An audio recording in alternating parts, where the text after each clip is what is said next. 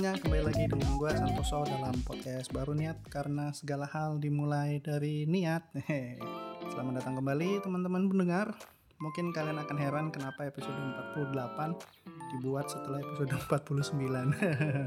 ya jadi yang sudah mendengarkan dari kemarin kalian akan melihat kalau judulnya ini malah mundur dari 49 malah jadi 48 karena kalau kalian lebih lihat lebih jelas lagi itu kemarin penomornya loncat dari 47 ke 49 kenapa? karena gue salah ngasih episode salah bikin episode. Jadi ini kesalahan gue sih. Jadi kayaknya salah kemarin tuh salah menghitung jumlah episode yang harus gue buat untuk mengakhiri season 2 ini. Kemarin tuh mikirnya tinggal 2 episode. Makanya langsung gue buat episode 49 ternyata pas tuh ngecek kembali ke Anchor ternyata gue baru masuk episode 47 jadilah gua kekurangan episode yaitu episode 48 kalau dipikir-pikir 48 nih angka yang apa ya angka yang mujarab gitu. Karena ya kalian tahu lah salah satu idol grup idol di Indonesia maupun di dunia itu menggunakan angka 48 cuman sayangnya gue bukan wota uh, ex wota gue lebih tepatnya. Karena osi gue kemarin udah pensi jadi gue ikutan pensi dan gue juga bukan orang yang ahli soal idol jadi untuk episode 48 ini kita bukan ngomongin soal idol ya sayang sekali. Mungkin nanti di podcast-podcast yang lain karena kebetulan gue juga bantuin bikin podcast. Udah niat saudaraan dari podcast ini podcast baru niat itu episode 48 mungkin kita akan ngomongin idol. Dan semoga sesuai dengan tagnya kita bisa ngundang ex idol atau idol tapi kecil banget kemungkinannya. Tapi ya nang namanya harapan tetap harus kita pegang teguh gitulah ya ya untuk episode 48 ini jujur nggak ada tema tema yang pengen gue bahas banget sih. Karena ya itu habis untuk mikirin episode 49 jadi kemarin nyari bahan soal episode 49 malah justru episode khusus 48 ini malah gak dapet alias belum dicari. Jadilah kita akan ngomongin apa yang lagi terpikirkan di benak gua. Dan itu adalah ngomongin soal belanja atau lebih tepatnya belanja online ya gitu. Kita akan ngomongin soal belanja. Ya seperti yang biasa kita alami lah. Maksudnya pengalaman diri sendiri dan kalian juga mungkin merasakan hal yang sama gitu. Yang namanya sekarang itu belanja tuh sangat gampang gitu kan. Apalagi setelah banyaknya marketplace di online market online marketplace terutama yang ada di Android di HP gitu kan memudahkan banget kita untuk belanja. Mulai dari yang apa? Marketplace seperti Tokopedia, Bukalapak, Shopee, Lazada, dan lain-lain atau website-website yang memang menjual juga secara online itu memudahkan banget kita untuk belanja. Pertanyaan adalah, apakah kita benar-benar perlu untuk belanja itu? Jadi ini di era revolusi industri 4.0 ini alah tapi ya mungkin ada relevansinya kayaknya gampang banget kita tuh belanja yang namanya tuh belanja tidak sesuai dengan keperluan atau yang biasa kita sebut juga impulsif buying gitu kan belanja impulsif. Jadi tendensi untuk belanja belanja barang-barang yang sebetulnya nggak perlu banget sih tapi kita pikir atau kita rasionalkan sebagai barang yang perlu kita beli sehingga uh, kita membeli barang tersebut. Padahal ketika kita sudah menerima barang tersebut barulah kita tersadar atau baru menyadari kalau misalnya barang tersebut sebetulnya nggak perlu-perlu banget jadi emang ini secara tidak langsung kita gue ingin mengomentari soal kebiasaan kita tentang impulsif buying terutama di di gempuran strategi pemasaran di toko online ya. Maksudnya kalian akan sering mendengar istilah harbolnas atau kayak di Tokopedia aku sebut saja itu dia ada promo waktu Indonesia belanja di mana setiap akhir bulan mereka melakukan promo untuk beberapa jenis barang dan juga termasuk di dalamnya promo gratis ongkir. Nah, itu.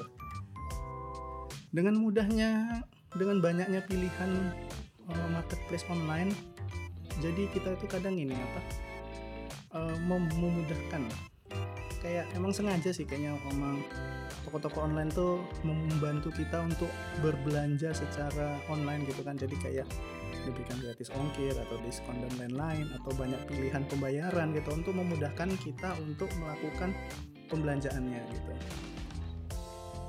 Kalau kita inget hmm, di episode podcast sebelumnya tentang kebiasaan menyimpan barang belanjaan di kantong belanja di check out on toko online itu kan salah satu indikator rasio nah itu rasio salah satu rasio yang menjadi pertimbangan atau perhitungan di toko online salah satunya adalah jumlah barang menganggur yang ada di kantong belanjaan. Jadi memang ya gimana caranya lah toko itu gimana uh, memudahkan penju, pembeli untuk menghabiskan barang belanjaannya tersebut.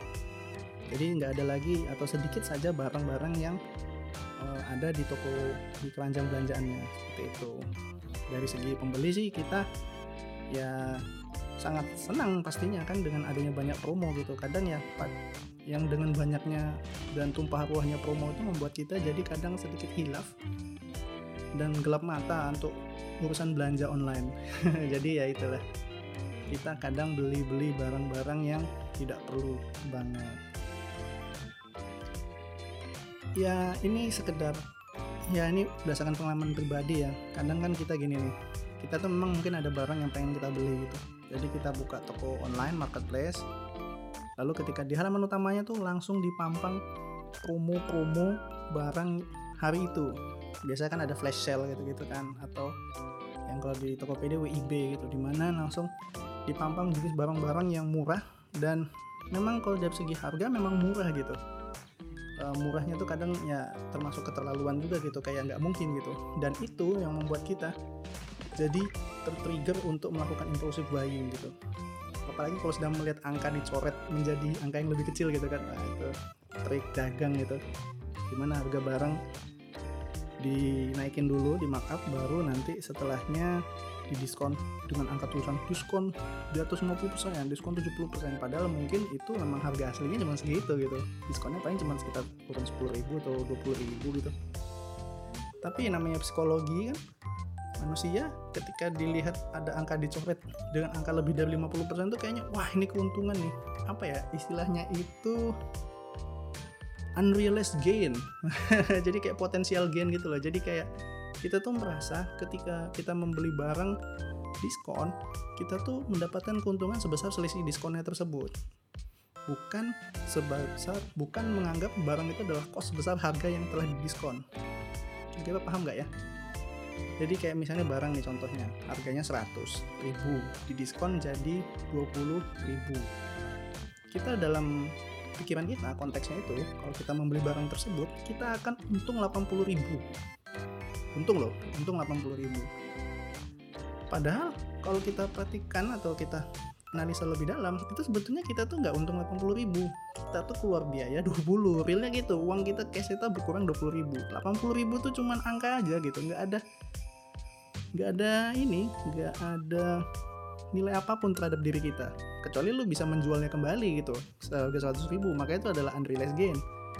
Tapi selama lu barangnya hanya lu pakai untuk diri sendiri yaitu bukan menjadi sebuah uh, game tapi ya cost makanya itu jebakan psikologi diskon itu luar biasa itu. Jadi kalian sebagai orang yang biasa tergoda dengan diskon ya mungkin harus memikirkan kembali lah kalau misalnya diskon itu bukan sebagai unrealized gain.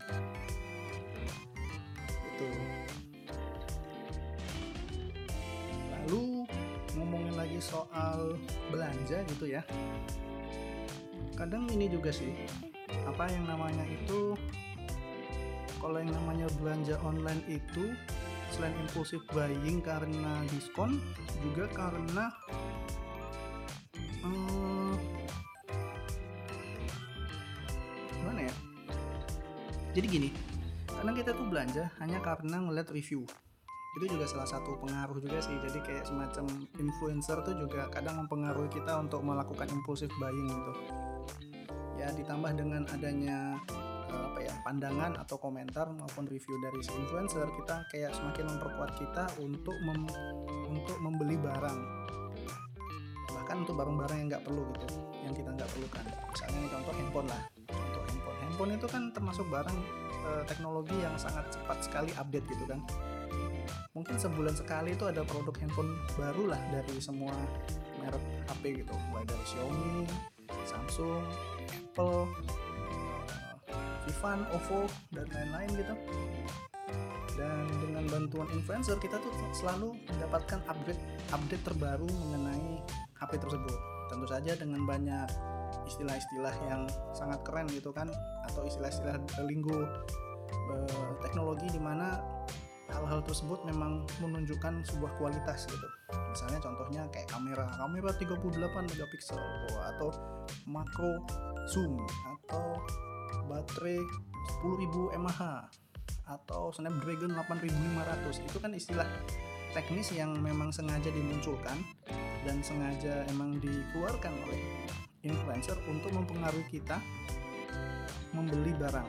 Ya gue tidak bisa menjat secara gue tidak bisa mengeneralisir ya apakah semua semua reviewer itu adalah jujur eh, pandangan pribadi atau emang di endorse oleh produk yang bersangkutan. Tapi pada akhirnya tujuan mereka membuat video itu kan untuk mempengaruhi kita gitu. Uh, mereka kalau misalnya bikin video untuk impresi itu kan tujuannya untuk mendapatkan uh, perhatian gitu kan. Maksudnya pada akhirnya mereka pengen memberitahukan bahwasanya ini loh pandangan gue terhadap barang tersebut. Apakah efeknya menjadikan kita setuju apakah kita setuju dengan pendapat dia dan membuat kita memutuskan untuk membeli HP tersebut? Itu adalah hal yang belakangan lah gitu mungkin. Tapi ya nggak jarang juga banyak yang review, itu memang istilahnya tuh di, di endorse oleh produk yang bersangkutan. Dan istilahnya tuh kayak kita tuh didorong perlahan dari belakang dari dengan suara-suara lembut dan suara uh, gentleman dari si reviewer itu untuk membeli produk bersangkutan gitu. ya banyak lah gitu uh, contoh-contohnya gitu. Handphone lah yang paling gampang handphone headset TWS gitu kadang-kadang itu termasuk barang-barang teknologi yang harganya termasuk murah ya menengah ke bawah lah gitu harganya. Cuman itu termasuk barang-barang yang sifatnya tersier gitu. kita kan selalu uh, belajar dulu waktu kecil waktu SD SMP gitu. Bahwasanya kebutuhan manusia itu terdiri dari tiga lah ya secara garis besar. Yaitu mulai dari kebutuhan primer, sekunder, dan tersier. Dan barang-barang yang dipromosikan atau dipromosikan maupun disampaikan oleh reviewer itu lebih banyak sih memang barang-barang tersier. Cuman karena kita melihat review tersebut di dalam pikiran kita tuh seolah-olah menggeser uh, kategori barang tersebut dari yang tersier menjadi sekunder. Bahkan mungkin ada yang menjadikan barang itu sebagai barang primer jadi alias tuh must buy. Nah itu tuh. Kadang yang kalian kayak sadar itu kalau misalnya di review ada tulisannya must buy bakalan nyesel nggak beli dan lain-lain. Itu dalam pikiran kita tuh kita secara nggak sadar mengubah mindset barang tersebut menjadi barang primer. Padahal ya namanya barang primer kan sandang ba pangan. Sandang pangan papan. Elektronik bukan termasuk sandang pangan papan. Ya kan? Jadi gitu. Lebih banyak kita tuh uh, impulsif buying itu satu karena murah dan promo. Dua karena dorongan review. Gitu. Gue nggak menyalahkan sih. Uh, dan memang gue sendiri juga masih kadang membeli itu juga tunggu review dari orang dulu karena memang gue juga butuh dorongan pelan perlahan dari si, si influencer tersebut untuk mempengaruhi gue membeli. Jadi gue secara tidak sadar atau secara sadar memang menunggu bisikan-bisikan halus dari influencer untuk membeli barang itu. Kayak satu tekan tombol ya, satu dorongan aja gitu. Gue udah mau beli nih tinggal didorong dikit lagi aja makanya gue akan beli. Itulah gunanya uh, influencer gitu. Jadi uh, membantu atau istilahnya membuat kita uh, kayak kita untuk mencari kambing hitam lah gitu. Kambing hitam dari khilafan kita untuk membeli barang. Jadi istilahnya ketika lo hilaf lo bisa menyalahkan orang lain tuh oh ini gara-gara si reviewer ini nih gue beli ini padahal nggak butuh-butuh amat. Jadi pada akhirnya kita tidak mau menyalahkan diri kita sendiri ketika melakukan impulsive buying gitu. Dan pada akhirnya juga kemudahan teknologi dan juga ditambah dengan semakin cepatnya internet kita ya karena informasinya kita sudah mau masuk 5G nih di Indonesia. Jadi internet pasti semakin lama semakin cepat. Nah kita lah yang sebagai pengguna ini yang yang mendapatkan manfaat sekaligus keburukannya gitu kan. Salah satunya ya tentu terkait dengan belanja ini. Perlu nggak sih kita belanja ini? Tapi ya karena online ya kayak apa ya kayak tinggal dipencet-pencet aja tombol HP-nya tiba-tiba belanja gitu. Ya itulah kehebatannya toko online. Berbeda sama toko fisik gitu kan di mana kita melihat secara nyata uang kita tuh keluar dari dompet berpindah ke tangan si penjual. Jadi real ada perpindahan uang atau pertukaran lah pertukaran barang antara uang kita dan barang yang akan kita beli. Di mana itu secara kalau menurut gue sih secara psikologi itu itu yang bisa membantu kita menahan keinginan untuk membeli. Pas buka dompet wah duitnya cuma tiga lembar kalau gue beli uang gue habis. Gak jadi belanja. Cuman kalau online nggak kerasa gitu. Cuman angka-angka aja tiba-tiba transfer aja. Tiba-tiba dapat notifikasi belanja kamu sudah sukses dibayar. Ditambah katanya ya selamat anda mendapatkan cashback. Lah sudah makin gelap mata aja gitu untuk belanja. Karena itu semakin mudah semakin nyaman untuk berbelanja. Itu emang salah satu tagline-nya salah satu toko kalau salah semakin mudah berbelanja. Dan kayaknya tuh salah satu strategi juga sih jadi belanja sekarang mudah hanya dengan digenggaman tangan digenggaman digenggaman tangan saja gitu. Ya itulah uh, pengalaman gua terkait dengan belanja online. Mungkin kalian juga merasakan hal yang sama lah ya. Ini pengalaman nggak mungkin gua doang kan? Kalian bakalan ketika ya beli barang gitu terus terdistraksi sama promo gitu. Wah barangnya bagus nih beli beli beli. Terus wah diskon nih beli ya terus ternyata ada uh, minimal belanja. Nah itu tuh juga tuh minimal belanja untuk dapat gratis ongkir itu juga membuat kita tuh belanja impulsif gitu. Sebetulnya nggak perlu beli cuman karena dapat promo kita beli. Ya kayak inilah kayak promo-promo dapat diskon 20% setelah belanja minimal 100 ribu misalnya gitu kan di toko tersebut. Ya udah kita kayak barang kita cuma 15 ribu nih 85 ribu biar dapat diskon tuh apa ya? Gitu loh. Meng gimana caranya supaya kita dapat ongkir dengan gratis ongkir dengan cara menambah biaya. Kalau dipikir-pikir kan gitu gitu. Kita menambah biaya untuk mendapatkan diskon.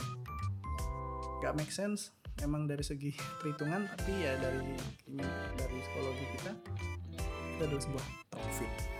Itulah jadi kayak unrealized gain unrealized profit itu memang kayak strategi yang dibuat oleh si penjual kali ya ya pasti akan selalu dipakai. Tinggal kita sebagai pembeli lah untuk pintar-pintar gitu untuk menyadari dalam tanda kutip jebakan tersebut. Tapi ini juga kalau belanja online itu nggak hanya sekedar soal impulsif buying sih. Jadi kadang-kadang di spektrum yang lain di di sisi yang lain eh, kemudahan berbelanja itu membuat kita justru malah nggak belanja. Gitu mungkin ini uh, terjadi di kalian tapi gue kadang juga melakukan uh, terjadi juga di gue misalnya gini nih kita mau belanja barang nih sebuah barang. Contohnya kembali handphone. Handphone kita beli kita tuh sudah tahu tuh kita mau beli apa. Cuman setelah lihat review ada barang lain yang harganya belum yang mungkin 11-12 yang hampir sama dengan barang yang kita beli dengan spek yang berbeda atau yang lebih baik membuat kita tuh kayak mempertimbangkan kembali keinginan kita untuk belanja. Atau kayak contoh yang lain belanja powerbank lah atau harddisk harddisk itu mereknya udah Western Digital harganya sekian. Lalu uh, harddisk merek Toshiba mereknya uh, merek dengan size yang sama harga agak beda harganya sekian gitu. Dan itu yang setelah kita review pertimbangan-pertimbangannya satu website milih A satu website milih B gitu kan. Jadinya malah nggak jadi nih malah menjadi bingung terus ujung-ujungnya nggak beli gitu. Ya gue sering banget kayak gitu belanja. Aduh gue pengen gak ya nih terus lihat, review ah wah ternyata reviewnya bagusan barang B. Kita lihat barang B. Wah ini kayaknya beli nih kayaknya cocok nih ini barang B ini. Kita lihat review lah ini malah bilangnya barang A gitu. Jadi kayak A atau B atau C atau D malah karena saking banyaknya uh, pilihan malah gak jadi belanja gitu. Istilahnya itu kayak semacam overload informasi gitu loh. Di mana semakin banyak informasi yang kita pahami terkait dengan barang atau uh, barang atau spek dari barang tersebut ya malah buat kita jadi mengurungkan diri untuk belanja. Jadi emang di satu sisi kita kadang internet yang membuat kita hilaf belanja di satu sisi juga internet juga membuat kita malah nggak belanja. Padahal mungkin barang-barang tersebut ketika dipikirkan emang dibutuhkan gitu. Cuma karena kebingungan karena terlalu banyak pilihan atau speknya yang satu dan lainnya tuh terlalu sama dengan harga yang sama jadi malah bingung dan ujung-ujungnya nggak belanja. Karena nggak mungkin kita beli dua-duanya karena kita cuma butuh satu. Cuman ketika kita memilih apa yang terbaik ketika melakukan pertimbangan-pertimbangan itu justru malah membuat kita nggak belanja sama sekali itu juga ada sih dan itu memang kejadian di gua gitu. Jadi ya gimana? Belanja online. Belanja atau nggak belanja? Hilaf atau nggak hilaf? Itulah yang menjadi sebuah seni dalam berbelanja online. Ya mungkin kalau kalian termasuk yang apa istilah itu?